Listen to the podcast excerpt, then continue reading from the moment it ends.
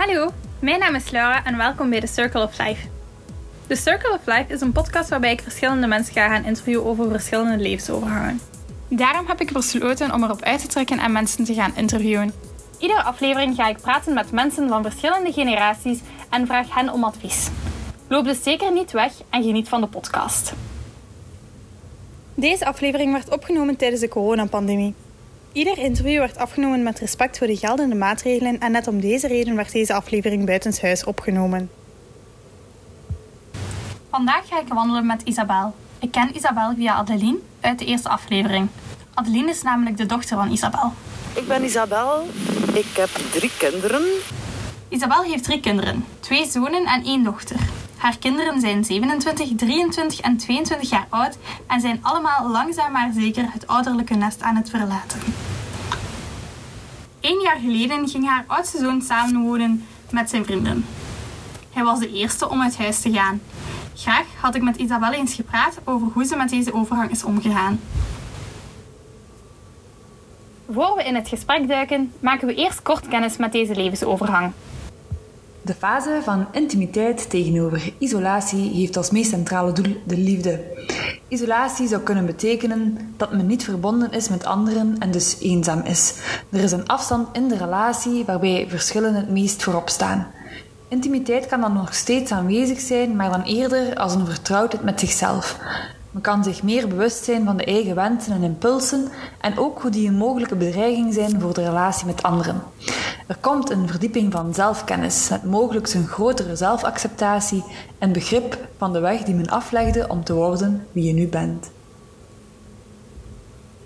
Isabel is haar oudste zoon enorm dankbaar dat hij haar tijd heeft gegeven om afscheid te nemen, om zich te kunnen aanpassen aan de situatie.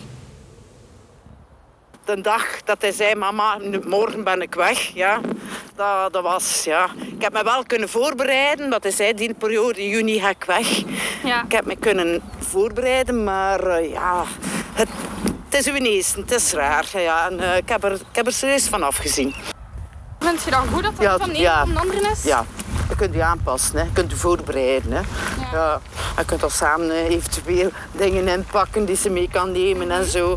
Eh, eh, dat is een, soort ja, afscheid nemen. Hè. Ja, ja. Zou je het lastiger hebben als, eh als bijvoorbeeld Diederik had gezegd een week voordat hij vertrok, mama volgende week weg is? Oh nee, ik zou het niet leuk gevonden hebben. Nee. De korte pijn dan? Ja. Ja, nee. Nee, Nee? Nee. als moeder hadden hadden dat nodig. Ik, ik toch. Ze- Johan is er Hans, alleen de papa is er Hans Andersen. Ehm, ja, hij mist zij ook. Ze. En eh, ja, hij ziet zij ook graag, maar, maar het is anders. Ja? De gasten wonen allemaal veel langer bij u ook. Diederik was 26. Allee, 25, 25, ja. Strandeke, ja. Iets voor zijn 26e is hij verhuisd. Ja. dan mee. Dus eh, ja, ik was weg. Ja, aan mijn 22 was ik weg. Echt hè. Ja, ik vind dat een, scho eigenlijk een schone leeftijd. Ja. Want hoe langer als ze bij je blijven, hè, hoe moeilijker dat wordt om, Ik denk dat ook wel. om, om ja, die, die- ja, Los te laten, ja, hè? ja, los te laten. Hoe heb je die dag beleefd, de dag dat je echt uit huis ging? Oh, traantjes gelaten, maar op mijn eentje in mijn bed. Ja. Ah ja, dus ik had het echt lastig, ja. En ik had ervoor ook al, ik had er zo, ja... Zo af en toe kreeg ik een dip en dan, ja, dan zeg ik, ja, dat is weer alweer een nieuwe fase in je leven. En ja, het is niet makkelijk. De grootste aanpassing voor Isabel was de verandering in routine. Wat maakte het dat zo lastig was voor u? Gewoon de routine. Je staat morgens op. Het zet de tafel voor vijf in plaats van voor vier. Dat, bleef er, ach, dat heeft er nog lang in gezeten. Dat ik tafel zette voor vijf personen in plaats van vier. Dat was raar. Ik zei, oh nee, het is waar, hij is hier niet meer. Zo die dingen allemaal. Ja, zo echt die routine. Dat is morgens opstaan dat hij ziet. S'avonds eten maken. Allee, ja, samen zijn. Want zoveel was hij ook niet meer thuis. Hij zat, in de week ging hij naar zijn vrienden of naar zijn vriendin. En eh, ja... Ja. Maar toch, dat, die routine gewoon, hè, ja. Dat, dat ochtend- en avondritueel, ja. Dat miste ik het meest, ja. En zo een keer even elkaar vastpakken en. Het was vooral die, die, die koestermomentjes dat de miste, zo, ja. Ja. Ja, dat je ze alles samenzetten beneden en ja. Maar nee, ja, weer een fase, een nieuwe fase in je leven. Dat is gewoon dat. En je moet dat leren, ja, een plaatsje geven. En dan, ja, dat is mijn ups en downs. En nu, nu, nu, nu heb ik geen last meer. Nee, dat is over. Maar het heeft toch wel een tijd geduurd, hoor. Ja. Isabel geeft zelf aan dat de aanpassing even geduurd heeft en dat ze het toch wel lastig heeft gehad. Maar ze bereidt zich voor op de toekomst. Denk je dat het in de toekomst makkelijker gaat zijn? Te halen bij, bij elk kind. Dat zijn, en denk bij, bij Fabian, de laatste, als die echt weg gaat zijn, dat dan eigenlijk Hans, dat dan de, de klop nog gaat komen. Ja. Je blijft mama, hè. Weet, elk kind, eh, elk kind heeft dat afscheid. Allee, het is geen afscheid eh, dat je moet nemen, dat je moet loslaten. Eh, oh ja, moet dat zeggen? Dat is niet makkelijk. en bij Adeline, ik heb maar één dochter. eh, ja, die band is nog anders dan moeder en dochter dan moeder en, eh, en zoon. Hè. We doen veel, veel samen. Dus ik weet sowieso bij mijn dochter dat ik het serieus ga afzien. Ja, het is iets anders dan een zoon. Ja. Lekker zo, ons wandelingsje. Iets gaan drinken, ja. Nu kunnen we niet meer, allee, hè. Ik kan naar de zee gaan met onze twee eens op vakantie gaan. Misschien, ja. Ze zegt wel dat, dat ze dat gaat blijven doen met mij. Maar ik zeg, ja, dat, ik, als moeder kun je toch altijd maar niet tussen, in een koppel tussen erbij gaan lopen. Hè. Dat gaat allee, zeker deze jaar. Allee, Ik vind dat zo'n beetje dubbel. Ja. Ja. We zien wel, de tijd maakt het uit. Isabel, haar kinderwens was van kinds af al zeer duidelijk. Ze moest en zou drie kinderen hebben. Daarnaast was het voor haar ook enorm belangrijk om hun een goede nest te kunnen geven. Nu vindt ze het vooral belangrijk om een goede relatie te kunnen onderhouden met haar kinderen. Is eigenlijk altijd dat je kinderen? Ja, drie. Altijd is er ook drie. Ook in van geslacht? Nu, Nee? zeg, maar de meeste toch wel een manneke. Ja. Lycée ook weer eigenlijk, hè? Ja. Ja. En wat Ja. is het gedacht? Dat je daar klaar voor was? Oeh. Ja, ik was ook al 29, hè? Ik was, ik was 30, ik was, ja, ik ben ja, ik was, ik was 30 als ik, hem, al- als ik hem had. Ik was 29 als ik zwanger was. Ik heb altijd kinderen gewild, ja. En ja, ik was er eigenlijk al een paar jaar klaar mee voor ze, maar Johan niet. Ja. Ja. En dan heb ik hem voor een dilemma gezet. Zeggen.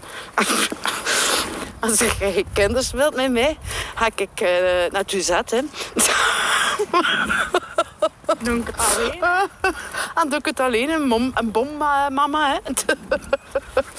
Oh, maar nee, eh, ja, nee. Dus de kinderwens was wel altijd... Ja, al van jongs af ik drie kinderen. Hij wilde ook hebben dat nu kinderen hè, weggaan uit een goede nest, uit een warme nest. Hè. Dat gevoel wil ik geven. Ja. Dat, dat, dat ik, dat mijn, mijn deel goed gedaan heb. Ja. Ik denk niet. Ja. Ja. Ja, drie kinderen is niet evident. Ja, met twee handen, hè. Ja. Maar er drie, hè? Ja. Dus met soms sirene met naar school. Eén van voor, één van achter, één eh, aan mijn nek van de onthaalde moeder en zo'n zakje. Oh, jongens. Welke ik... ik zou het niet meer kunnen, denk ik. Denk ik, hè. Nu Diederik, haar oudste zoon, uit huis is, kijkt Isabel met een andere blik naar de toekomst.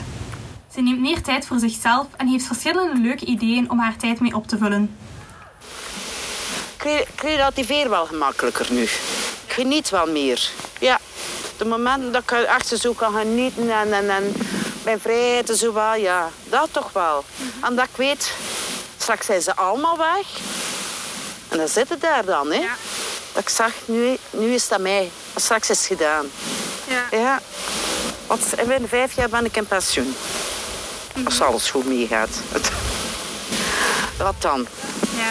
in een leeg gat vallen, de hele dag zitten in een zetel en naar televisie kijken. En dat is uw leven dan. Alblieft? Heb je daar schrik voor? Een beetje wel, ja. Ja. Mm, nee, ik heb dingen. Ik heb eh, veel dingen in mijn hoofd die ik wil doen. Mhm. Ja.